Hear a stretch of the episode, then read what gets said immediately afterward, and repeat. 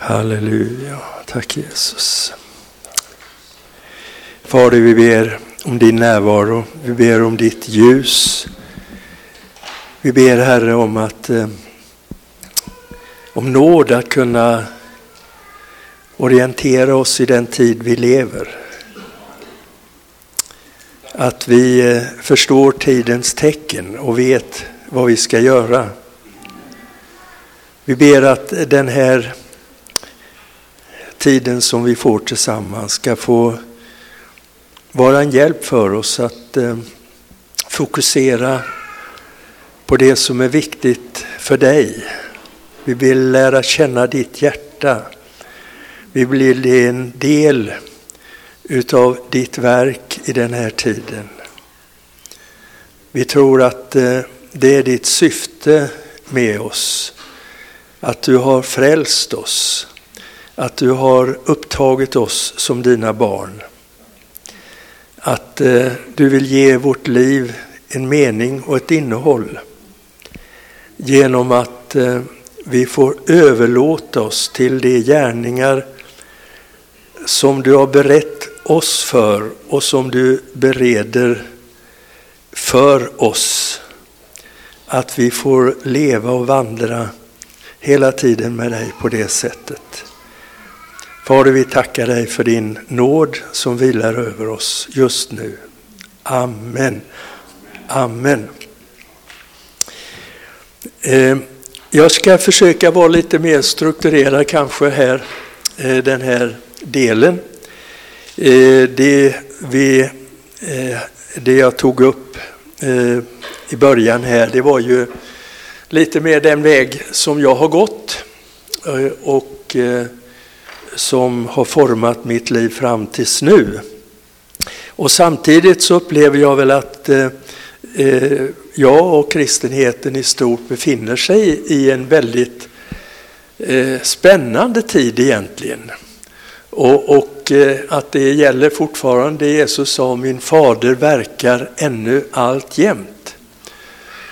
Och jag tänkte att eh, eh, jag skulle eh, huvudsakligen vilja ta upp det ämne som är väldigt centralt i Nya Testamentet för Jesus och apostlarna.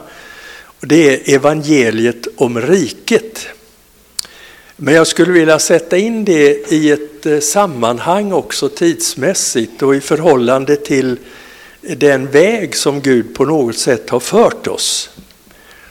Eh, och eh, jag tycker hela tiden så har det varit en fråga om att förstå eh, ska vi, själva innehållet och rörelseriktningen på något sätt i det som vi urskiljer som är Guds gärning.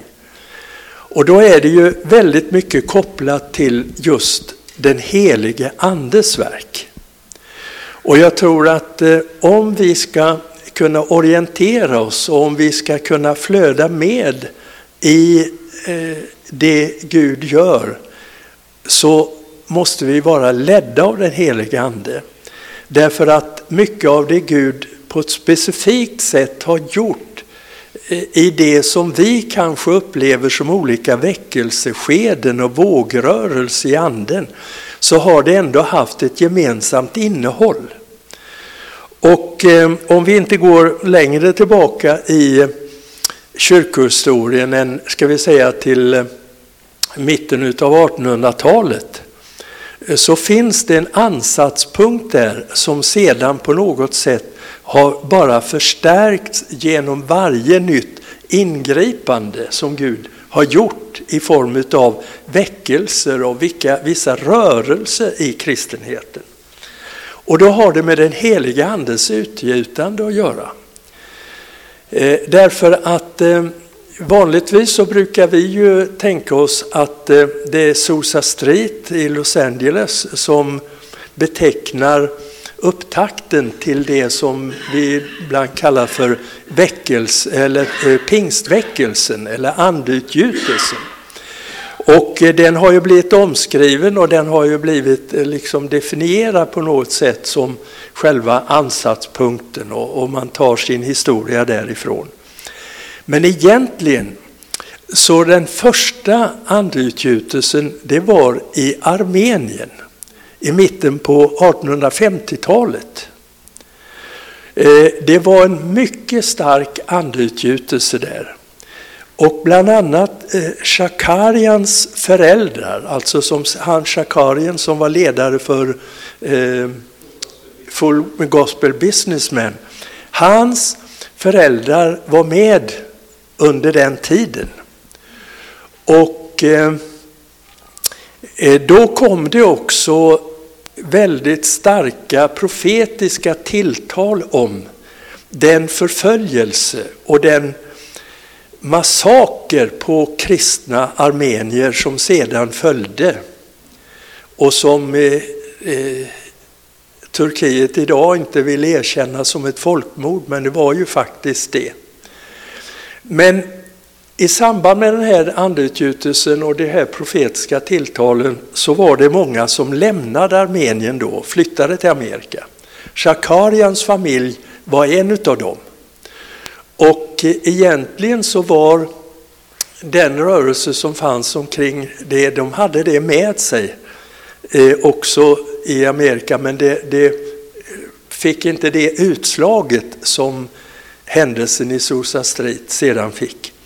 Men jag vill ändå ta fasta på det, alltså att eh, eh om vi ska eh, så att säga gå flöda tillsammans med Gud i ett skeende så har det väldigt mycket att göra med den karismatiska eller den, ande, den heliga andes verk att göra.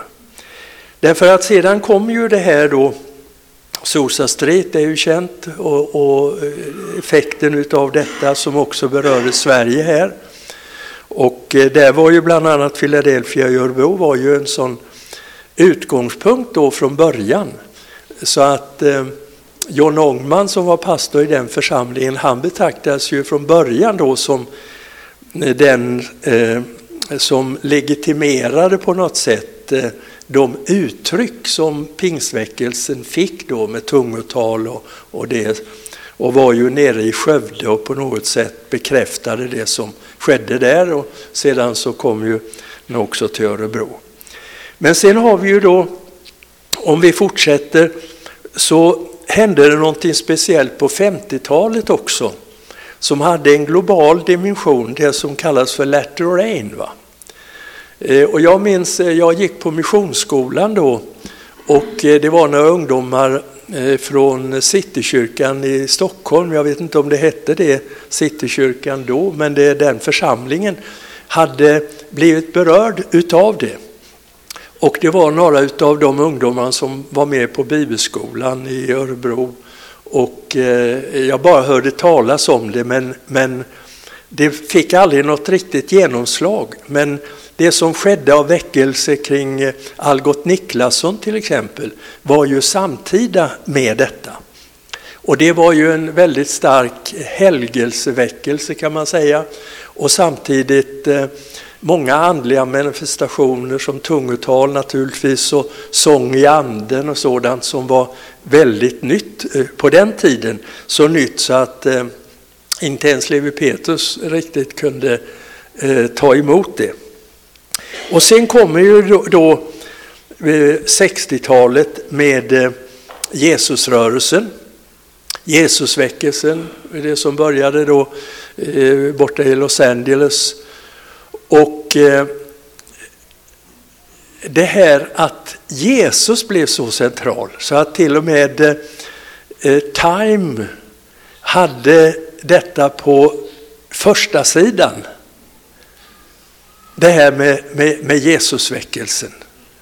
Och Jörn Donner skulle spela in en film i eh, Finland som väl var en kritisk och lite eh, löjeväckande eh, bild av Jesus och, och, och, han fick hela kristenheten emot sig. Och då sa han så här, jag visste inte att Jesus betydde så mycket för er, sa han. Nej.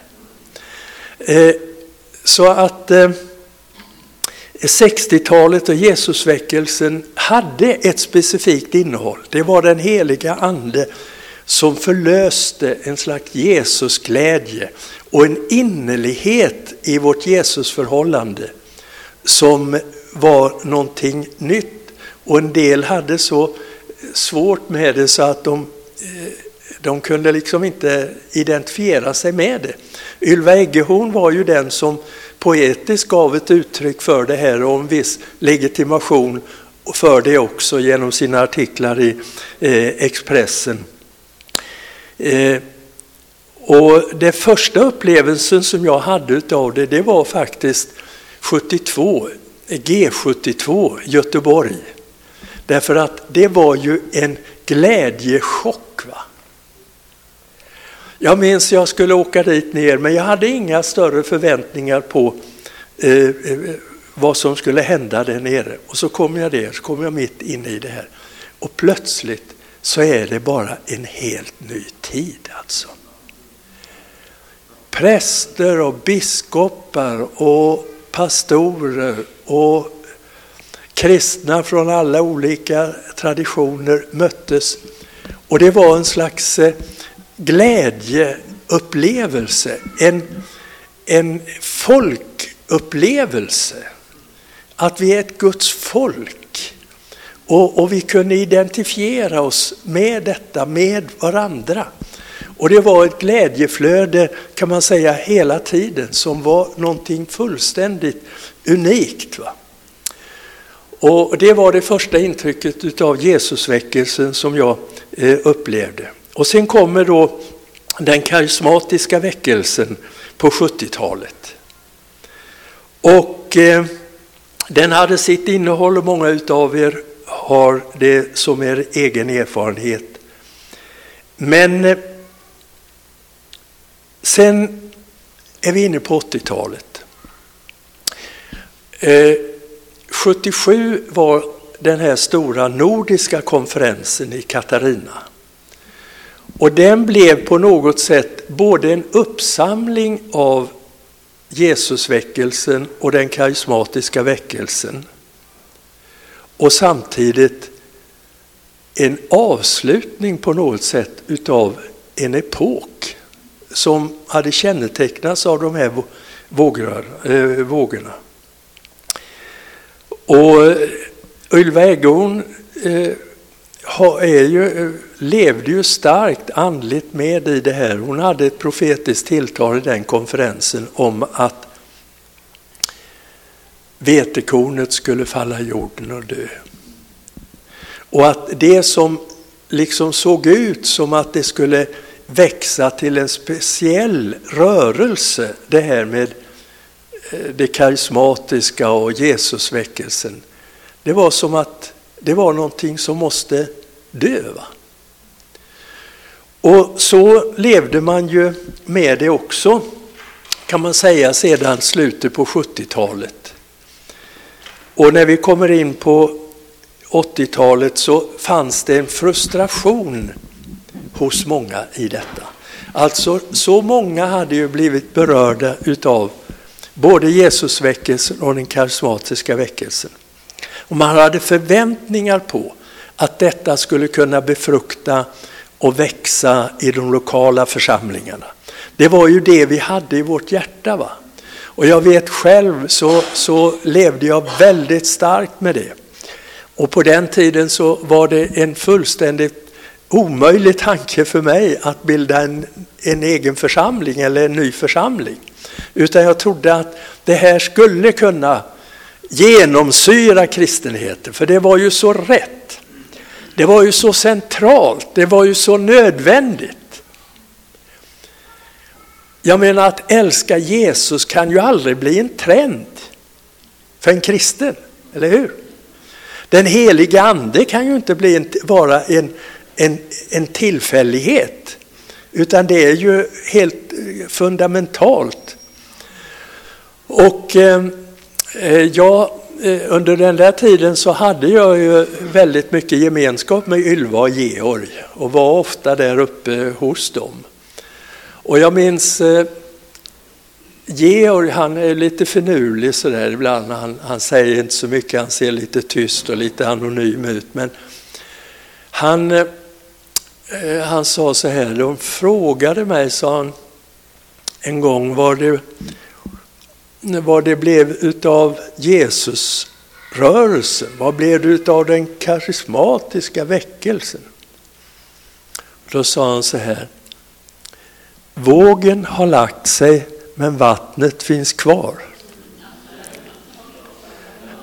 Och det tycker jag var en väldigt bra sammanfattning.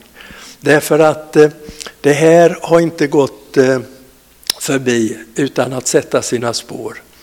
Det Gud har gjort i detta, det finns en fortsättning på det. Men när vi kommer då in på 80-talet så är det ju då Ulf Ekman som börjar prägla eh, bilden eh, i Sverige. Och han har ju gjort det under hela 80-talet och fram in på 90-talet och gör väl på sätt och vis fortfarande med det nya steg han har tagit. Men eh, eh, jag var ju pastor, 83 började väl bibelskolan tror jag och församlingen. Eh, och jag var pastor i Philadelphia då. Och eh, Eh, jag var uppe någon gång och lyssnade på något bibelstudier någon dag och, och sådär. Och för mig så kändes det bara som en fortsättning på Jesusväckelsen och den karismatiska väckelsen. Det var samma undervisning. Det var en trosundervisning ungefär som eh, Harry Greenwood. Va? Det var, han var ju en trons och kärlekens apostel under många år som betjänade Sverige. Eh, och, men eh, jag var där uppe bara på besök och följde det lite på avstånd. Men jag vet att en av de första som jag rekommenderade till bibelskolan och som tillhörde Philadelphia, det var Christian Åkerhielm. Eh, och han började bibelskolan där uppe. Och jag uppmuntrade honom att, att eh, ta det steget. Det var andra familjer som också hade sina barn där. Jag sa att eh, för mig så verkar det här som en fortsättning på det jag redan har tagit emot och lever med. Men sen utvecklades det som det gjorde. Och eh, eh 86 då, då var jag inne i en kris i förhållande till det som skedde i Uppsala. Och eh, jag kände att det var så mycket som rörde sig som berörde hela kristenheten så att jag kände behovet av att vi fick träffas, samlas till bön. Så jag tog kontakt med den här ledningsgruppen som hade arbetat med Katarina-konferenserna. Och jag frågade dem, kan vi inte samlas till ett bönemöte och be i den här situationen? Och eh, det ledde till att vi sammankallade det här riksbönemötet i Katarina 86. Och det var, det var verkligen ett bönemöte, för det var bön från början och till slut. Det var inga föredrag, det var inga predikningar, utan det var bön. Vi hade en särskild böneordning som vi följde och den utgick egentligen ifrån Herrens bön, Fader vår, steg för steg. Och varje böneord där fick ett innehåll kopplad också på sätt och vis till den här situationen i Sverige. För jag upplevde att någonting höll på att gå sönder då. Och samtidigt så eh, eh, kände jag att jag måste ta någon ställning offentligt också, så jag skrev en, in, en artikel i Dagen med rubriken Rör inte min broder. För det fanns en slogan då som eh, Rör inte min kompis. Va? Ja. Och jag formulerade det på det här sättet. Och det var en vädjan till det andliga ledarskapet i Sverige att besinna sig i den situation som hade uppstått. Eh, därför att det var ju en fullständig konfrontation va? där man till och med ifrågasatte om det var en annan Jesus och allt vad det var för någonting. Eh, men, eh, och det, i det läget alltså, så om någon på något sätt uttalade sympati eller eh, åt det hållet så var man ju eh, då var man ju liksom identifierad med det. Så att det var egentligen på det sättet som jag kom att relatera till eller bli identifierad med trosrörelsen från början. Inte genom att jag gick på bibelskola, inte genom att jag var med så mycket där uppe, men genom att jag kände för enhetens skull, för det var ju det som jag brann för, så måste någonting hända. Och det jag upplevde som en fortsättning då, om man tänker sig, om man försöker se eh, ett mönster i det sätt på vilket Gud har verkat, så har vi då andutgjutelsen. Vi har Jesusväckelsen. Det var liksom att uppliva det inre, innerligheten i vårt eh, liv med Jesus. Och den helige Andes kraft. Och eh, vad var då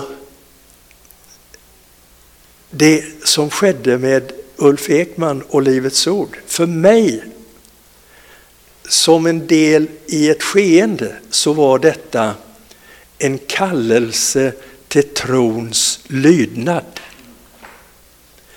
Därför att det var undervisningen i Guds ord och utmaningen att handla på Guds ord som jag upplevde som Guds gärning i detta. Och Eh, jag menar att det var Guds initiativ. Det var innehållet i det initiativ Gud tog. Eh, sen ska jag, jag ska inte värdera eh, utvecklingen, gå närmare in på det, men jag upplever att det finns fortfarande någonting oförlöst där. Därför att det andliga ledarskapet kom så fel på något sätt i den konfrontation som blev. Så att det uppstod ett förakt faktiskt för Guds ord. Så upplever jag det.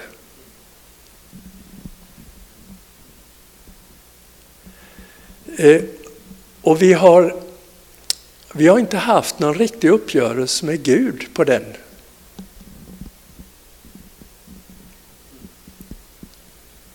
Det har vi inte. Sen så eh, kan man värdera det Ulf har betytt eh, för övrigt. Men initiativet som jag upplevde från Guds sida, det var detta. Att upprätta trons lydnad. Och det uppdraget kvarstår som en kallelse till våra församlingar och som kristenhet i Sverige. Och djävulen har för, förstört mycket under den här tiden. Och, och eh, mycket av det som var jungfruligt och skört som Gud ville förlösa eh, kom att missförstås och missbrukas på ett sätt som eh, har, eh, där vi har förlorat mycket av tid. Men jag tror att Gud har ett initiativ fortfarande som profetiskt finns på det här området att förlösa. Därför att det är ju så att Gud har ju alltid, va? men det har inte vi. Så om vi vill vara med i det som sker så måste vi vara med nu, va? för vår tid är begränsad. Men det Gud inte får igenom den ena gången får han igenom den andra gången. Får han det inte gjort i en generation så gör han det i nästa generation. Men vill vi vara med så måste vi vara med medan vi finns. Va? Ja. För det här är vår tid. Men Gud har alltid. Och eh, eh jag har en bön i mitt hjärta att vi verkligen ska få uppleva ett genombrott på det här området. Ännu starkare, det här som har med trons lydnad att göra. Och det gör att jag skulle vilja ta det här vidare ett steg. Och det är det som har med Guds rike att göra. Eh, därför att eh, om vi ser till den plats som detta har i Jesu undervisning och i apostlarnas undervisning så är hela det här ämnet egentligen, det är ännu oförlöst i kristenheten. Det är oförlöst. Och eh, Eh, jag har levt med detta egentligen ända sedan min tid i Philadelphia eh, då jag hade en serie just eh, om Guds rike utifrån den förståelse jag levde med det då. Men jag har haft det hela tiden levande för mig och, och liksom har sträckt mig efter det. Sträckt efter förståelse av det, en konkretisering. Och när vi bildade församlingen då i Örebro Kristet Center så det första jag tog initiativ till när det gällde undervisning och, och församlingsbygget där, det var att undervisa om Guds rikes kultur i församlingslivet. Alltså att resa upp en förståelse av församlingen som ett uttryck för Guds rike. Och eh,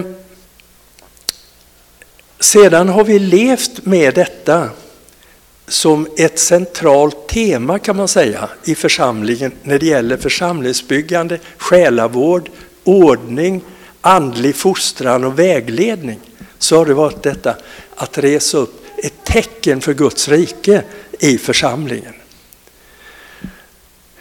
Och då är frågan den, hur ska vi förstå det här? På ett sätt så kan man kanske tycka att det vi läser om i Nya Testamentet om Guds rike är lite ogripbart. Därför att Jesus säger till exempel, det kommer inte på det sättet att vi kan säga här är det eller där är det. Ty riket är inom er. Ja.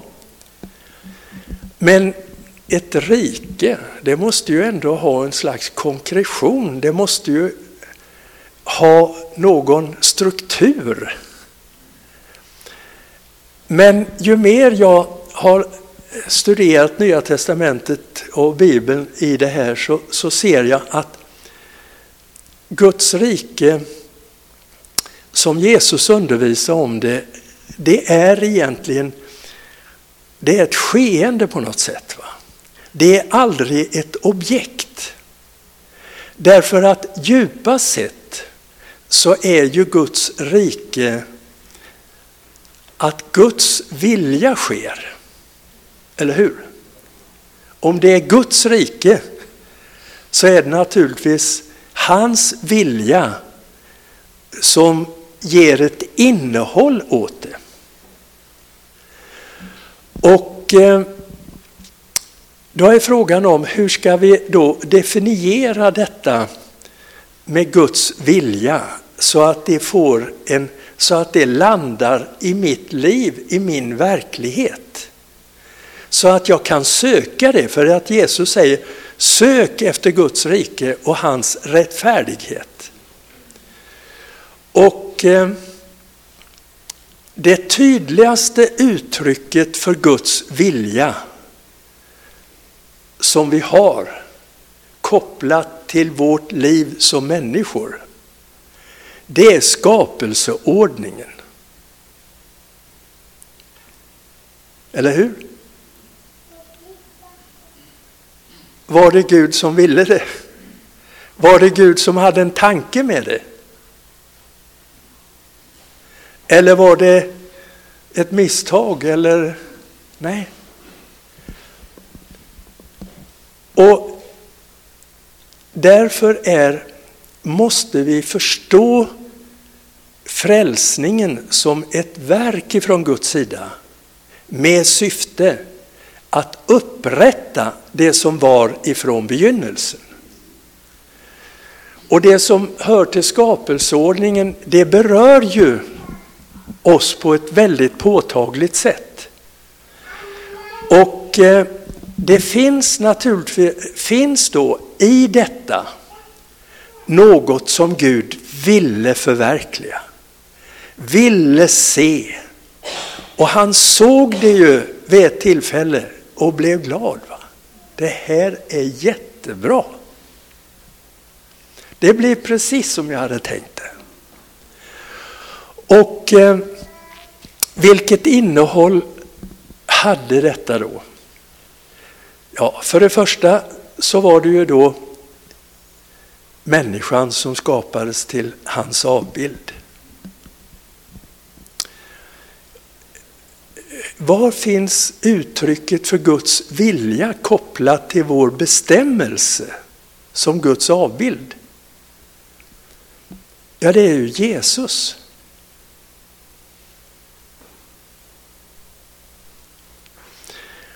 Så att om vi talar om att söka Guds rike och att se Guds rike som någonting tillkommande, för det är ju det vi ber om. Va? Tillkommer ditt rike. Alltså Jesus talar om det som en process, någonting som sker, som håller på att ske. Då är det kopplat till detta i vad, med, i vad mån Guds vilja sker i enlighet med skapelseordningen. Och ju mer lika vi blir Kristus.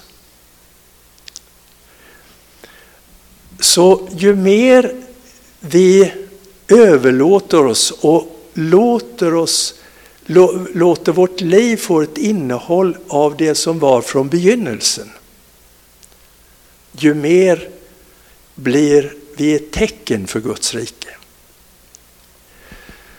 Och när jag talar om Guds rikes kultur då,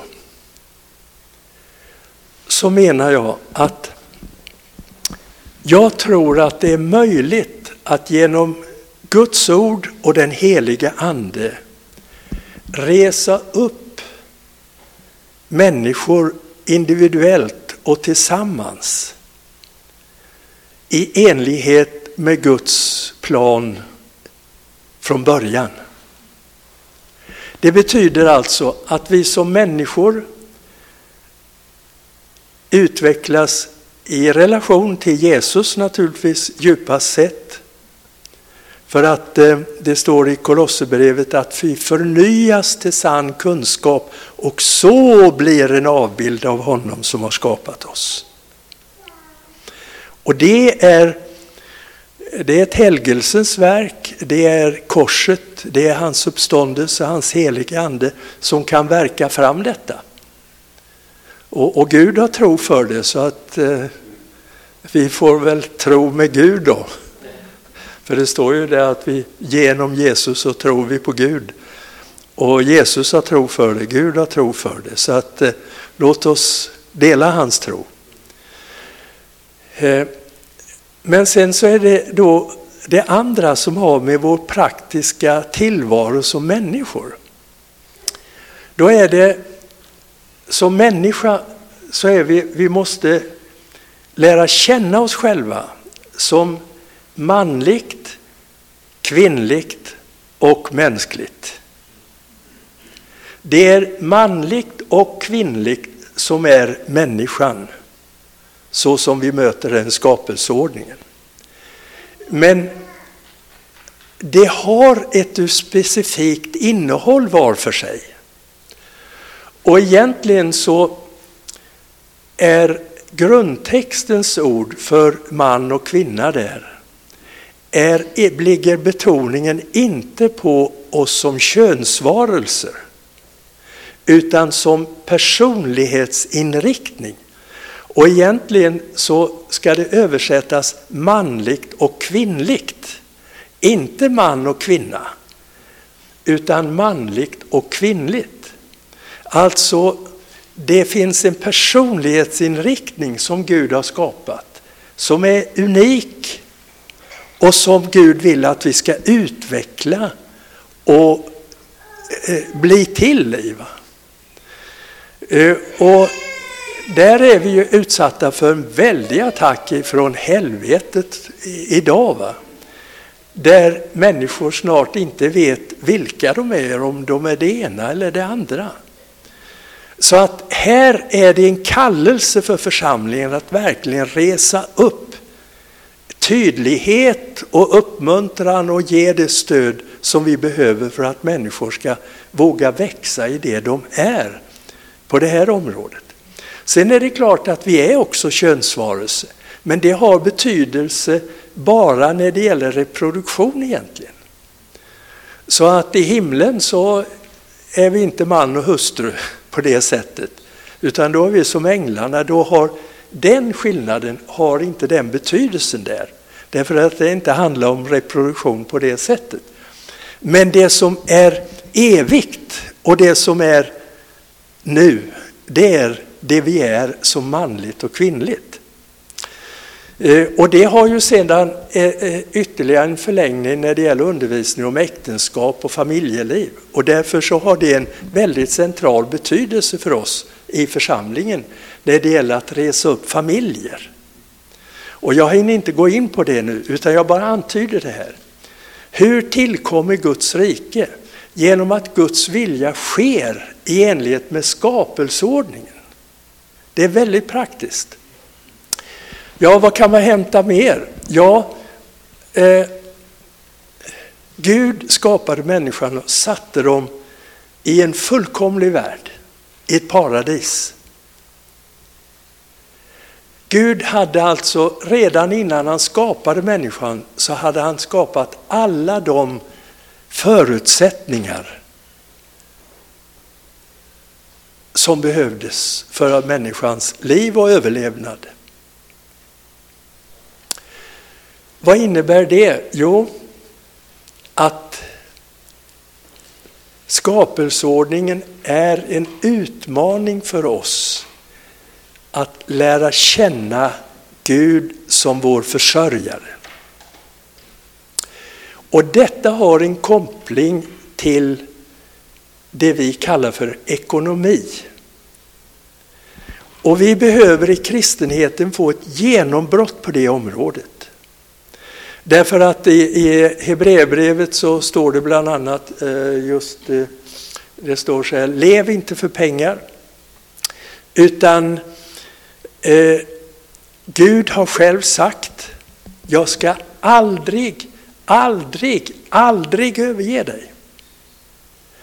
Och det är så starkt det ordet så att det som nu står aldrig, det skulle behöva upprepas tre gånger för att motsvara grundtextens betoning utav detta. Och det är kopplat just till vår ekonomi. Och det här är ett centralt område för, för en kristen. Det är ingen oväsentlig, utan vi behöver var och en göra ett genombrott på det området och lära känna Gud som vår försörjare. Och, och jag minns eh, en erfarenhet från mitt eget liv där eh, jag levde med det här ordet, gör er icke bekymmer. Och jag vet att eh, jag hade svårt med det ordet. Och ja, det var som att jag kom tillbaka till Herren gång på gång och så sa Ja, men vad menar du? Det är klart att vi måste ju ta hand om oss själva, vi måste ta hand om det vi har ansvar för och, och allt detta som hör livet till. Vad, vad menar du? Gör dig inte bekymmer, det var så radikalt på något sätt. Och Herren sa, jag menar, gör dig inte bekymmer. Och som Paulus så kom jag tre gånger så att säga medvetet till Herren och sa, förklara för mig vad du menar med detta. Och varje gång sa han, jag menar, gör dig inte bekymmer. Och som en praktisk erfarenhet så förde Herren mig in i en speciell eh, situation. Plötsligt så fick jag från en person i Stockholm som jag kände sådär i andra hand men inte hade träffat. Jag fick tusen kronor. Och eh, det var, han sa att jag vill att du ska ha de här pengarna därför att jag vill att du ska åka över till Amerika på en konferens som pågår där. Det var en stor karismatisk konferens. Jag kommer inte ihåg vad det eh, eh, vad det hette nu. Men i varje fall var det, det var, eh, den, det var andliga ledare från hela världen samlade då under den karismatiska tiden. Då. Men när jag fick de där pengarna och tänkte efter, nej, jag fick ingen sanktion från Herren till att åka, ut, eh, åka över. Så jag sa att eh, jag tror jag lämnar tillbaka de här pengarna för att jag behöver dem inte. Ja, sa han, behåll dem du, behåll dem du. Men eh, så hamnade jag i en situation tillsammans med några vänner och, och då var det någon av dem där som var i en ekonomisk knipa. Och jag tänkte, jaha, ja men jag har ju det här, jag behöver inte det här. Så att jag lät de där tusenlappen slinka över till den där personen då. Ja. Och jag tänkte inte mer på det. Men efter en tid så fick jag tusen kronor igen från ett annat håll. Jaha. Nej, men jag kunde inte se något behov av det.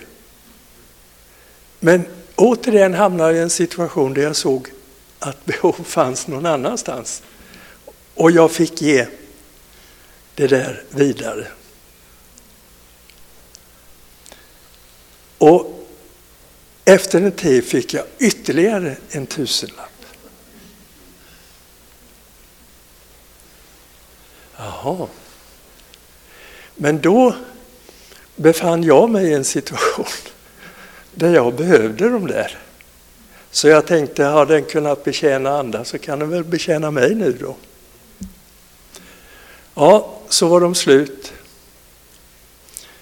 Och sen gick det en ganska lång tid, jag tror nästan ett par år.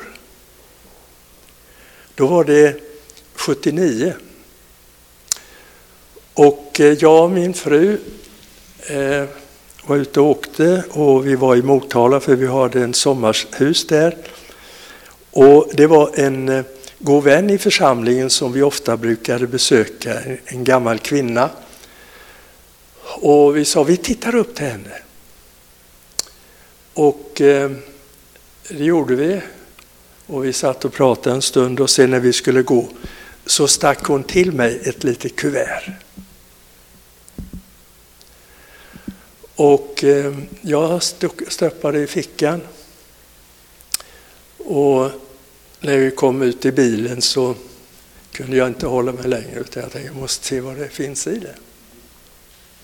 Och i det låg tusen kronor. Men då hade vi planerat, Solveig och jag, att vi skulle åka till Amerika. Därför att det var det år jag fyllde 50 år. Jag skulle åka och hälsa på min bror. Och när jag såg det här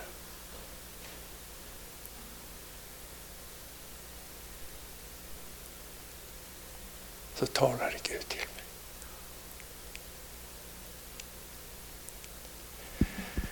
Den här tusenlappen hade cirkulerat och betjänat många behov under tiden. Men jag behövde den. För det ändamål som jag fick den en gång, så fanns den där. Och det var då Gud lärde mig någonting. Det här, gör dig inte bekymmer. Och Gud gav mig det på det sättet. Om jag vet att Gud vet vad jag behöver, då vet jag att jag har det jag behöver när jag behöver det. Och det blev ett genombrott för mig när det gäller min förståelse av detta att Gud är min försörjare. Och Gud har varit trofast i det avseendet. Och jag vågar säga, om du prövar Gud i detta så kommer han att visa sin trofasthet. Och därför så behöver vi ett genombrott i kristenheten på det här området idag. Lev inte för pengar. Låt dig inte fångas utav hela den här ekonomiska konceptet som är så dominerande idag. Det finns ett annat sätt att leva med detta. Och jag tror att vi kommer in i en tid också där vi behöver varandra på ett annat sätt än vi har gjort hittills. Och den där erfarenheten som jag gjorde har ju lett till att jag och min fru har kunnat leva med detta eh, på eh, ett underbart sätt. Både när det gäller att vi har allt vad vi behöver men också att kunna bisträcka och hjälpa andra människor utöver vår egen förmåga egentligen. Men, men Gud är trofast. En del utav skapelseordningen som Gud vill upprätta, och det har med Guds rike att göra, det är att vi lär känna Gud som vår försörjare.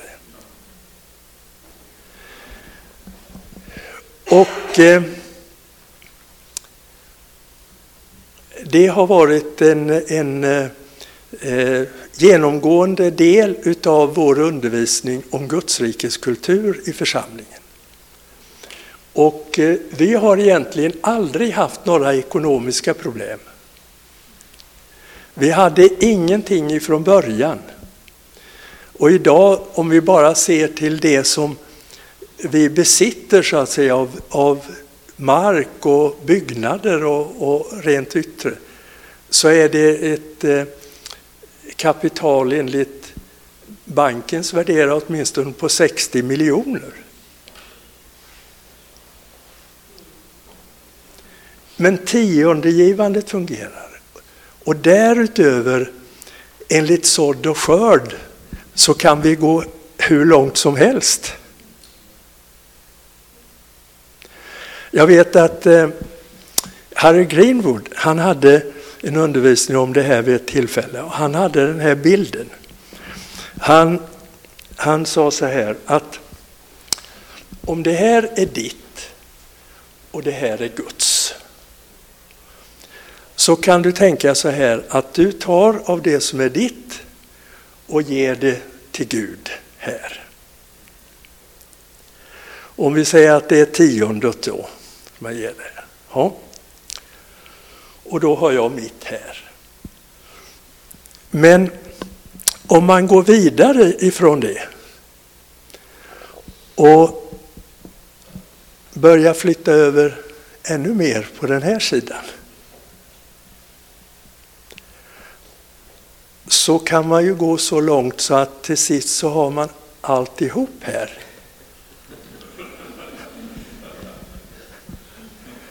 Men då har jag ju inte bara det jag har placerat här, utan då har jag ju allt det som Gud har här. Och där finns ju ingen begränsning. Och jag tyckte det var en väldigt bra bild. Va? Och, och det här är naturligtvis inget, inget steg som man tar med en gång. Va? Utan det är någonting, en trosvandring. Men jag skulle vilja uppmuntra dig att börja gå den trosvandringen. Därför att du kommer att se mycket av Guds under och trofasthet i det. För det fungerar. Gör dig inte bekymmer. Jag ska ta upp en sida till som har med eh, Guds rike att göra. Och eh, det finns i Hebreerbrevet. Egentligen är ju Hebreerbrevets trettonde kapitel, det är ju ett, eh, ger ju ett innehåll åt det som jag här vill kalla för Gudsrikes kultur.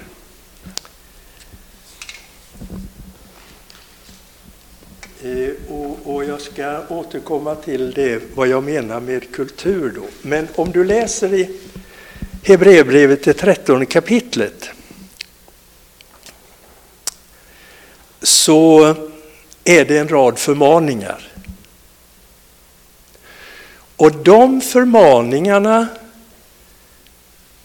är en utveckling av det han säger i sista versen sista verserna i det tolfte kapitlet, nämligen att det står att allt ska skaka. Det kommer en tid då allt kan skaka som kan skakas. Men Guds rike skakar inte. Och därför så avslutas det tolfte kapitlet. Låt dig inte besegras av... Nej, vänta lite, nu kommer jag till Romarbrevet här.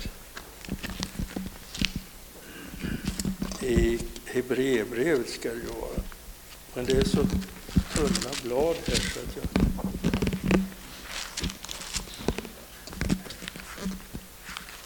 Jag måste ta det där i trettonde kapitlet. Det står ju i slutet av det tolfte kapitlet så här. Eh, vi får ett rike som inte kan skakas. Låt oss därför vara tacksamma och tjäna Gud så som han vill med vördnad och fruktan, ty vår Gud är en förtärande eld. Och sen så står det några förmaningar som är kopplat till det. Och eh, det trettonde kapitlet och förmaningarna, det, man kan säga att det konkretiserar innehållet kopplat till Guds rike. Eh, och det är de här ordningarna, det egentligen så går det tillbaka till skapelseordningen. Du läser, man kan säga att alla förmaningar, både Jesu bergspredikan och apostlarnas förmaningar till, till församlingarna, är relaterade till skapelseordningen. Det är inga religiösa konstigheter. Utan det är detsamma. Lev rätt i ert äktenskap med varandra. Sköt er familj. Ha ett hederligt arbete. Och var rädda om varandra. Ni är ju en familj, ni är ju ett folk. Det är ju det han säger. Och eh, då, det här som har med skapelseordningen att göra. Idag är det så nedbrutet när det gäller vår utgångspunkt som vi har varenda en ifrån vår gamla natur. Och om vi ser till hur situationen i samhället. Att om vi tar det här som en uppgift på allvar så är det tillräckligt för att du ska helgas till ande, själ och kropp. Men tyvärr så har det här med att vara kristen det har blivit kopplat till en massa konstiga beteendemönster som egentligen inte har med det verkliga livet att göra. Det verkliga livet är att du är en människa, att du är en kvinna och var en kvinna. Du är en man och var en man. Om du är gift så ta ansvar för varandra och, och överlåtelsen till varandra. Gör det till livets slut. Om du har barn, ta ansvar för dina barn. Det är det Gud vill. Och det här är ju kopplat också till vår situation i samhället. Där den frågan kommer, ska jag ta vara på min broder? Som Kain sa, ja det ska du, sa Gud. Och det har med vår samhällsfunktion att göra. Det finns ett område där varje kristen har ett genuint ansvar som vi måste ta och leva med. Och jag gör det inte bara politiskt och, och, och på det planet, utan jag gör det som kristen. För mitt samvetes skull, för mitt gudsfruktans skull, för mitt gudsförhållandes skull. Och eh, det här kan man ju då tala om i, som en andlig vägledning på det rent personliga planet. Men kopplat till en församling så gäller det att resa upp en medvetenhet som innebär att vi bekräftar de här värderingarna till varandra. Förstår jag vad jag menar? Alltså att vi lever med det inte bara som mitt liv och mitt ansvar, utan att vi är medvetna om att den andre också har de värderingarna. Och att vi bär upp det här tillsammans. Och eh, det är det jag menar med Gudsrikes kultur. Det är att vi tar till oss de här grundläggande värderingarna som har med Guds vilja enligt skapelseordningen att göra och det som har med mitt liv som Guds barn kopplat till Jesus Kristus som vår förebild att göra. När det börjar levas i en församling och där vi bekräftar det här till varandra, då bygger vi en kultur. En Gudsrikes kultur. Och det är det enda sättet för att kunna överföra det här från en generation till en annan. Och det är därför som vi betonar det så starkt i vår församling. Och, och, vi ser hur den ena generationen efter den andra ändå, vi kan glädjas över att det verkligen går att överföra det. Och det har varit ett av de största glädjeämnena för mig. Nu lever jag ju inte med det arbetet som ett dagligt anspråk på mig. Men när jag ser frukten av detta i människors liv och i församlingsliv så blir jag fylld av glädje och tro på att detta är möjligt. Och det är den stora utmaningen, tror jag, för kristenheten idag. Det är att få en förståelse av vad, hur vi blir ett uttryck för Guds rike som ett folk. För att ett rike har ett folk, eller hur?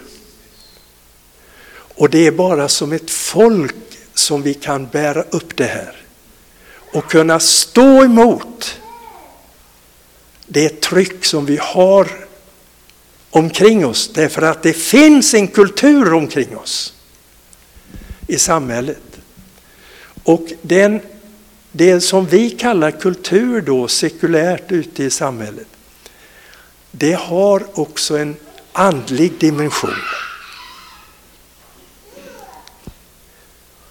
Och därför så säger Petrus i sitt första brev, första kapitlet, att eh, det är endast genom kraften av Jesu blod som vi kan bli fria ifrån det inflytande som annars gör anspråk på oss efter fädernas sätt.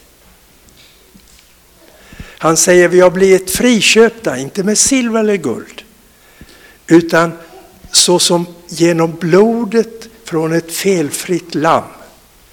Vad är det vi har blivit friköpta ifrån? Vårt beroende att formas av den kultur som finns ute i samhället omkring oss. Vi måste, som står här i Hebreerbrevets 13 kapitel, vi måste identifiera oss med vår plats utanför lägret. Det Jesus säger, ni är i världen men inte av världen. Och det måste få ett innehåll av vi låter frälsningen upprätta oss på de här grundläggande områdena. Det kommer att skilja oss ifrån världen genom vårt sätt att leva. Men inte genom ett avståndstagande ifrån världen. Därför att det står i samma kapitel, det 13 kapitel, glöm inte att göra gott. Så vi har det här inte bara för oss själva, utan vi har det som en utgångspunkt för att betjäna människor. Osjälviskt, utan några krav eller anspråk på dem, men därför att Gud älskar dem. Och vi vill vara hans tjänare.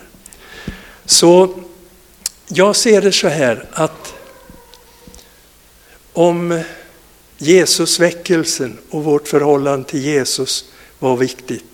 Och det kan aldrig bli en trend, det måste vi leva kvar i.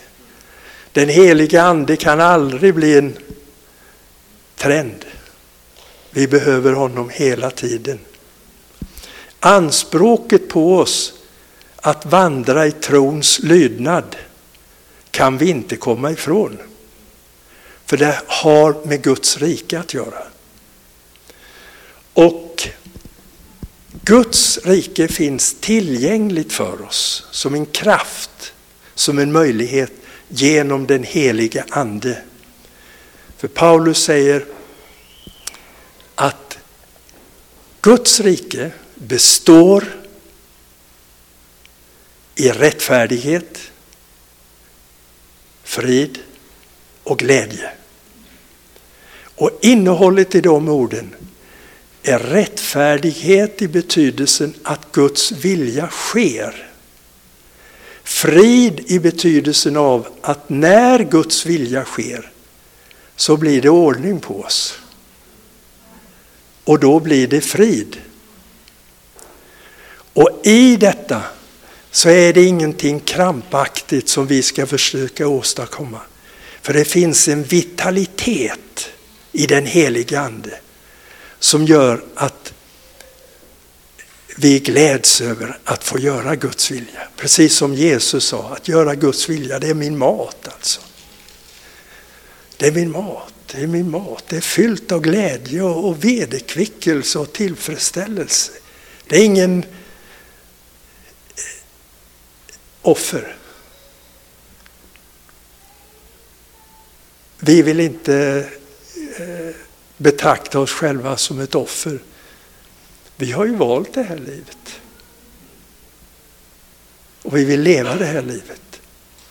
Och då tror jag att, och ja, det är min bön, att det här som har med Guds rike att göra, att det verkligen skulle få en ny plats ibland oss som Guds folk. Och jag undrar om inte det är den helige Andes nästa. Att Gud vill ha oss dit. Därför att om vi ser i skriften så är församlingen är aldrig slutmålet för Guds sida. Utan det är riket. Riket. Jesus levde för riket. Apostlarna levde för riket. Den sista tiden som Paulus hade i livet i Rom undervisade han. Vad då? Evangeliet om riket. Vad Jesus sa. Detta evangelium om riket ska bli predikat för alla folk. Sen kommer slutet. Amen.